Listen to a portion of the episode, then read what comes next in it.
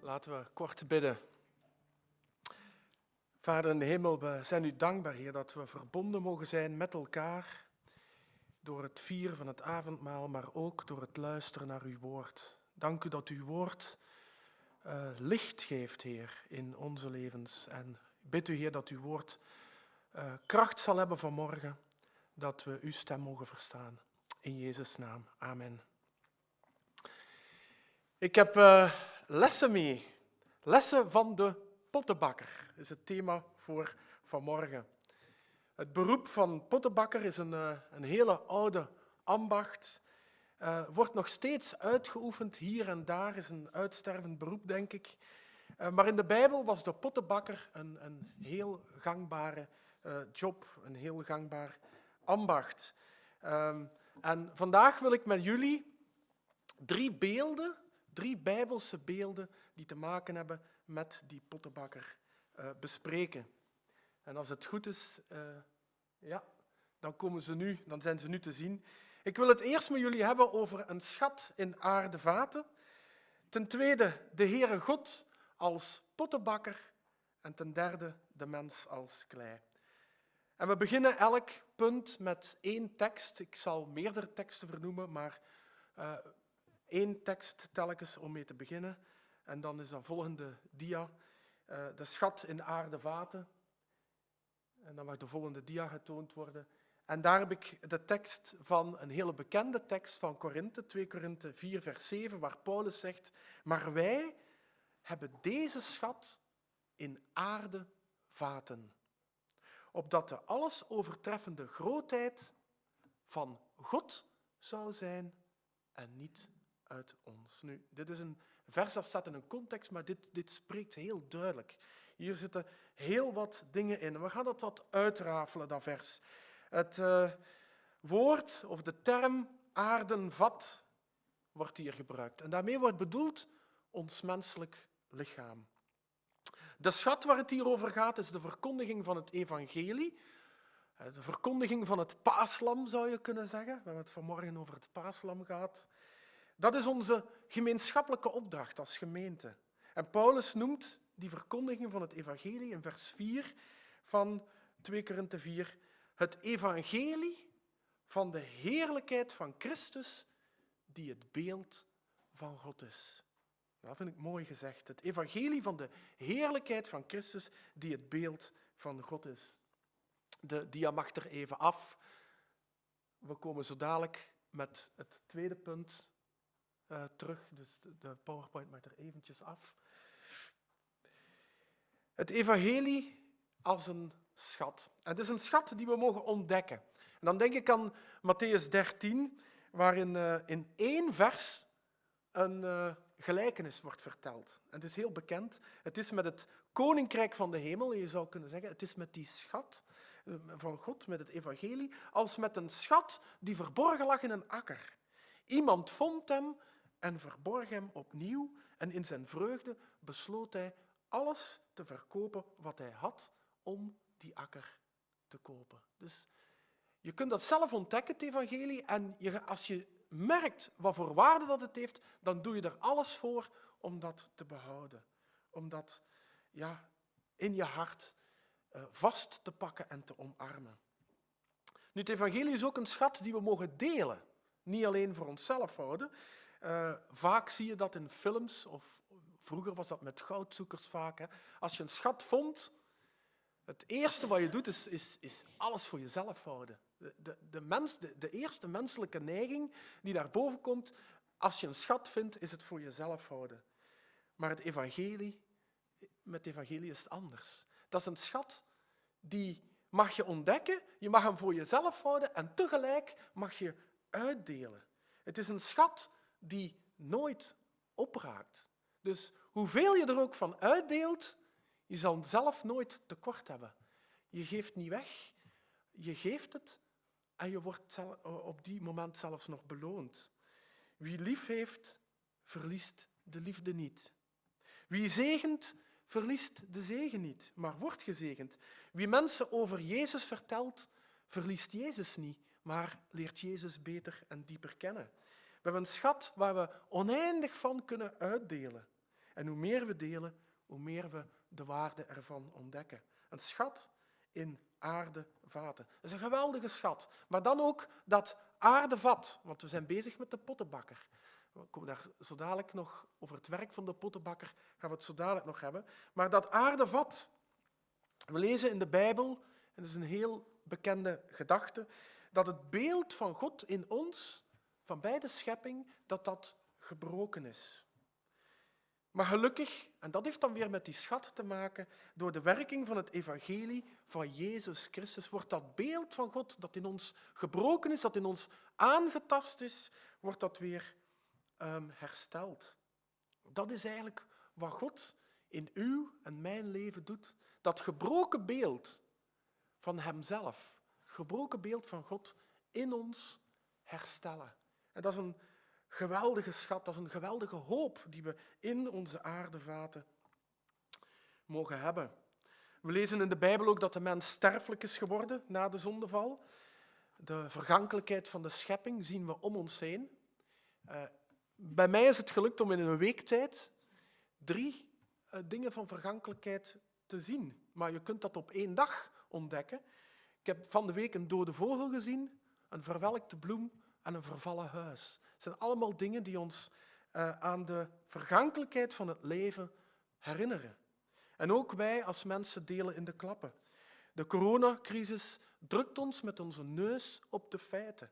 Ziekte, veroudering of een ongeluk in een klein hoekje herinneren ons aan de broosheid van het leven, de sterfelijkheid van het leven. En net zoals een aardepot, een aardevat, vlug beschadigd is. Er is een vlug een oor vanaf of een kras erop. Zo broos is ons bestaan.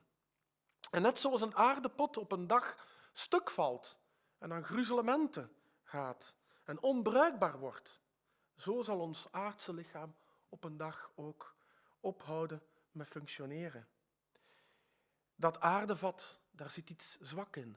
Daar zit iets sterfelijk in, iets broos, iets breekbaar. En dan zinkt de moedje in de schoenen. Maar aan de andere kant, en dat is de kracht van dat vers van Paulus, die schat. Iets sterk in iets zwak. Het evangelie in ons zwakke lichaam. En dat maakt dit vers hoopvol. Vanuit ons wankelijke bestaan, wankele bestaan mogen we die blijde boodschap, die, die krachtige schat, het evangelie van het paaslam, van verlichting brengen. En er is hoop over de dood heen. Want als onze kruik wordt gebroken, ons aardse lichaam, dan wordt de breuk geheeld. Na de dood is er geen aardevat meer, is er geen aards lichaam meer. Dat moeten we afleggen. Na de dood is er uitzicht op een hemels lichaam, een lichaam zonder breuk, zonder tranen, zonder pijn, zonder verdriet. En dat is mooi. Een schat, we hebben een schat in aardevaten. Ons eerste beeld van vanochtend. Een tweede beeld, en dat mag opnieuw eventjes uh, afgebeeld worden. De Heere God als pottenbakker. En dan gaan we naar het Oude Testament, Jesaja 45, vers 9. Daar wordt de pottenbakker als beeld gebruikt voor God, voor de Heere als schepper. Eén vers, vers 9, maar opnieuw een heel krachtig vers. Wee degene die de strijd aanbindt met hem door wie hij gevormd is. Een potscherf tussen de potscherven. Zegt klei soms tegen wie hem vormt, wat ben je eigenlijk aan het maken? Of, deze pot heeft niet eens oren.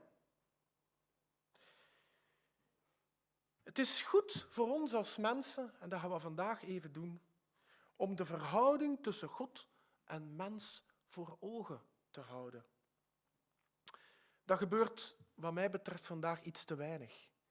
Uh, er wordt veel te weinig over God gesproken. God wordt soms doodgezwegen. Maar als er over God gesproken wordt, wordt er vaak ook oneerbiedig of veel te klein over God gesproken. En hier in Jesaja 45 wordt de grootheid van God, wordt God, uh, Jezaja 45 weerspiegelt op een prachtige manier de onmetelijke almacht van de schepper. En we zien dat in de rest van het vers ook, vers 12, ik, dat, dat uh, ga je niet zien op de muur, maar vers 12 staat er, ik heb de aarde gemaakt en ik, ben, ik heb de mens daarop gezet. Ik ben het. Mijn handen hebben de hemel uitgespannen. De handen van God. Het heelal, waar wij nog mee bezig zijn om het te verkennen.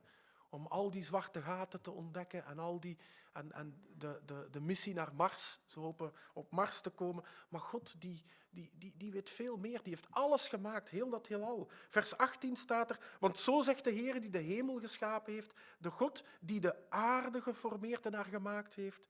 Hij heeft haar gegrondvest, hij heeft haar niet geschapen opdat zij woest zou zijn, maar hij heeft haar geformeerd opdat men erop zou wonen.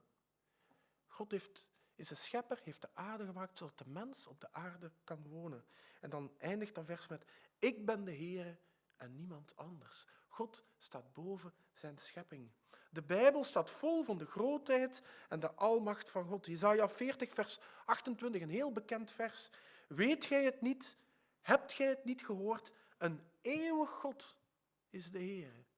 Eeuwig, dat is lang. Heeft geen begin en geen einde. Een eeuwig God is de Heer, schepper van de einde der aarde. Hij wordt nog moede, nog mat. Zijn verstand is niet te doorgronden. Het is fijn dat we de Heer leren kennen en we kunnen genoeg van hem weten om hem lief te hebben en hem te dienen, maar zijn verstand, zijn wezen, zijn eigenschappen zijn ten diepste door ons als mensen niet volledig te doorgronden. Jesaja 55, vers 9, want zoals de hemelen hoger zijn dan de aarde, zo zijn mijn wegen hoger en mijn gedachten hoger dan uw gedachten. We moeten het soms eens goed op een rijtje zetten.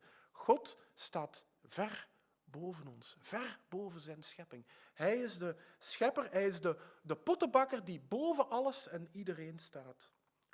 God is de almachtige schepper. En hij hoeft tegenover niemand verantwoording af te leggen. God is soeverein. Zijn koninkrijk is verheven boven alle andere koninkrijken. En Jezus is de koning der koningen voor eeuwig en eeuwig. En zo zit het, en niet anders. Wat mensen ook zouden denken over zichzelf, over de wereld of over God, God staat bovenaan, wat mensen ook denken. En met God valt niet te strijden. Het eerste zinnetje dat we gelezen hebben in het begin van ons tweede beeld, God als pottenbakker, daar stond er, wee degene die de strijd aanbindt met hem door wie hij gevormd is. Dat is nogal een pittige uitdrukking. Wee degene die strijdt met God. Wee degene die strijdt met zijn schepper.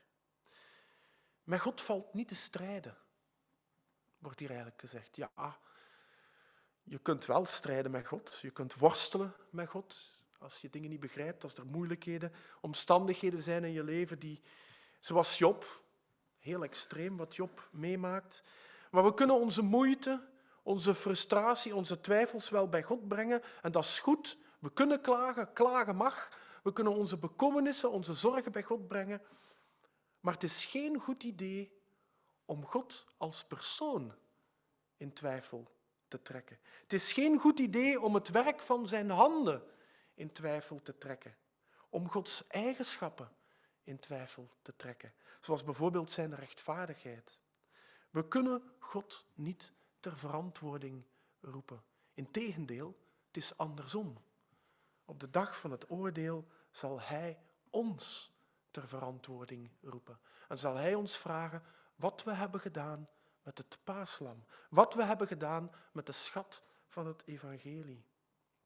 Nu, als we naar Job gaan, ja, dan zien we dat zijn worsteling ook heel menselijk was. Wat hij meemaakt is bijna bovenmenselijk. Het is begrijpelijk dat hij worstelt, ook in de gesprekken met zijn vrienden. Maar eigenlijk gaat Job, in, in heel veel van zijn worsteling kunnen we mee, maar eigenlijk uiteindelijk gaat hij één stapje te ver. Hij stelde Gods rechtvaardigheid in vraag.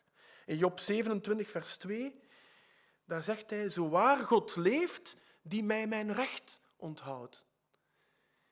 Het mooie van Job is dat hij vasthoudt aan God. Hij laat God niet los. Maar ergens in zijn worsteling gaat hij net een stapje te ver en stelt hij Gods rechtvaardigheid in vraag. Maar Job werd op een hele concrete, maar ook zachtmoedige manier door God op zijn plaats gezet. In Job 38, vers 4 is God aan het woord en dan zegt hij tegen Job, waar waart gij toen ik de aarde grondvestte? Vertel het, indien jij inzicht hebt. Job stelde Gods rechtvaardigheid in vraag. Job dacht dat hij God kon doorgronden en dat hij bij God ergens een iets onzuiver kon vinden en dat in vraag kon stellen. En God antwoordt, waar waart gij toen ik de aarde grondvestte? En daarna zien we dat Job zijn lesje geleerd heeft. Hij hield vast aan God, hij heeft, heeft God nooit losgelaten. Hij heeft altijd aan God vastgehouden. Maar zijn positie ten opzichte van God was veranderd. In Job 42, we gaan dat niet helemaal lezen, maar een paar dingen daaruit. Daar zegt Job, ik verkondigde zonder inzicht dingen mij te wonderbaar en die ik niet begreep. Slechts van horen zeggen had ik van u vernomen, maar nu heeft mijn oog u aanschouwd. Dat is mooi. Uh, Job doet dan boete. Hij, hij roept zijn woorden uh, en hij zegt, ja, eigenlijk, ik was zonder inzicht. Ik, ik heb eigenlijk een beetje gesproken als een kip zonder kop. Slechts van horen zeggen had ik van u vernomen. Ik, ik kende u van veraf. Maar nu, door al die worstelingen heen, heb ik u van dichtbij leren kennen. En lieve mensen, thuis, maar ook hier, heeft uw oog God aanschouwd? Heeft uw hart God aanschouwd? Of kent u God van horen zeggen, van veraf? Hebt u de grootheid van God ontdekt in uw leven? Ziet u het totale plaatje? God als almachtige schepper, wij het maaksel van zijn hand. Wij die proberen met voortschrijdend inzicht de schepping, zijn schepping en zijn plan met zijn schepping te begrijpen. Belangrijke vragen. Kennen wij God van dichtbij? Juist na worstelingen, waarin we vasthouden aan God, maar uiteindelijk toch Hem dichter en dieper leren kennen. De Heere God is de grote pottenbakker. Dat was ons tweede beeld. En dan tenslotte nog één beeld voor vandaag. En daar heb ik ook een tekst voor meegebracht. We blijven in Jezaja. De mens als klei. Het werk van de pottenbakker is eigenlijk heel wat anders dan het lopende bandwerk in een fabriek. Iedere kruik, iedere pot, iedere schaal is uniek. Ze worden stuk voor stuk met de hand gevormd. En dat is mooi. Elke oude ambacht heeft zo zijn charme, maar hier zit een, heel mooi beeld. Zo is het ook bij ons mensen. Wij worden gevormd. En daar gaat die eerste tekst over, Jesaja 64, vers 8. U bent onze vader. En dan heel mooi gezegd, wij zijn het leem. Wij zijn de klei. En u bent onze pottenbakker. Wij zijn alle het werk van uw handen. Wij zijn het werk van Gods hand. Ik weet niet hoe u over uzelf denkt, maar een van de bijbelse waarheden is dat wij het werk zijn van Gods hand. Dat we kostbaar en waardevol zijn. God vond het blijkbaar de moeite om u en mij met precisie en met goedheid en met heel veel creativiteit te vormen, het leven te geven. De grondstof die de pottenbakker gebruikt, wordt door moeder aarde zelf geleverd. Klei, leem, modder, stof. Ook de mens is gemaakt uit een hoopje modder. Dus als je een moddergevecht uh, hebt, dan gooi je eigenlijk naar jezelf. We zijn gemaakt uit modder, uit stof. Nu, we lezen in Genesis 2, vers 7 toen vormde, en dat, dat is dat, die teksten, we, we, kennen die eigenlijk allemaal wel, hè, van uh, de schepping. Toen vormde de Heer de mens uit het stof van de aardbodem en blies de levensadem in zijn neusgaten. Zo werd de mens tot een levend wezen. En ook na de zondeval, in Genesis 3, vers 19, als de, de straf wordt bekendgemaakt aan de mens, dan zien we daar ook weer dat stof terugkeren. In het zweet van uw aangezicht zult u brood eten, totdat u tot de aardbodem terugkeert, totdat u weer stof wordt. Omdat u daaruit genomen bent, want stof bent u en u zult tot stof terugkeren. Dat is eigenlijk een gedachte die niet zo, daar worden we niet zo blij van. We zijn uit stof gemaakt en we zullen tot stof terugkeren. Dat mag ons ook nederig maken.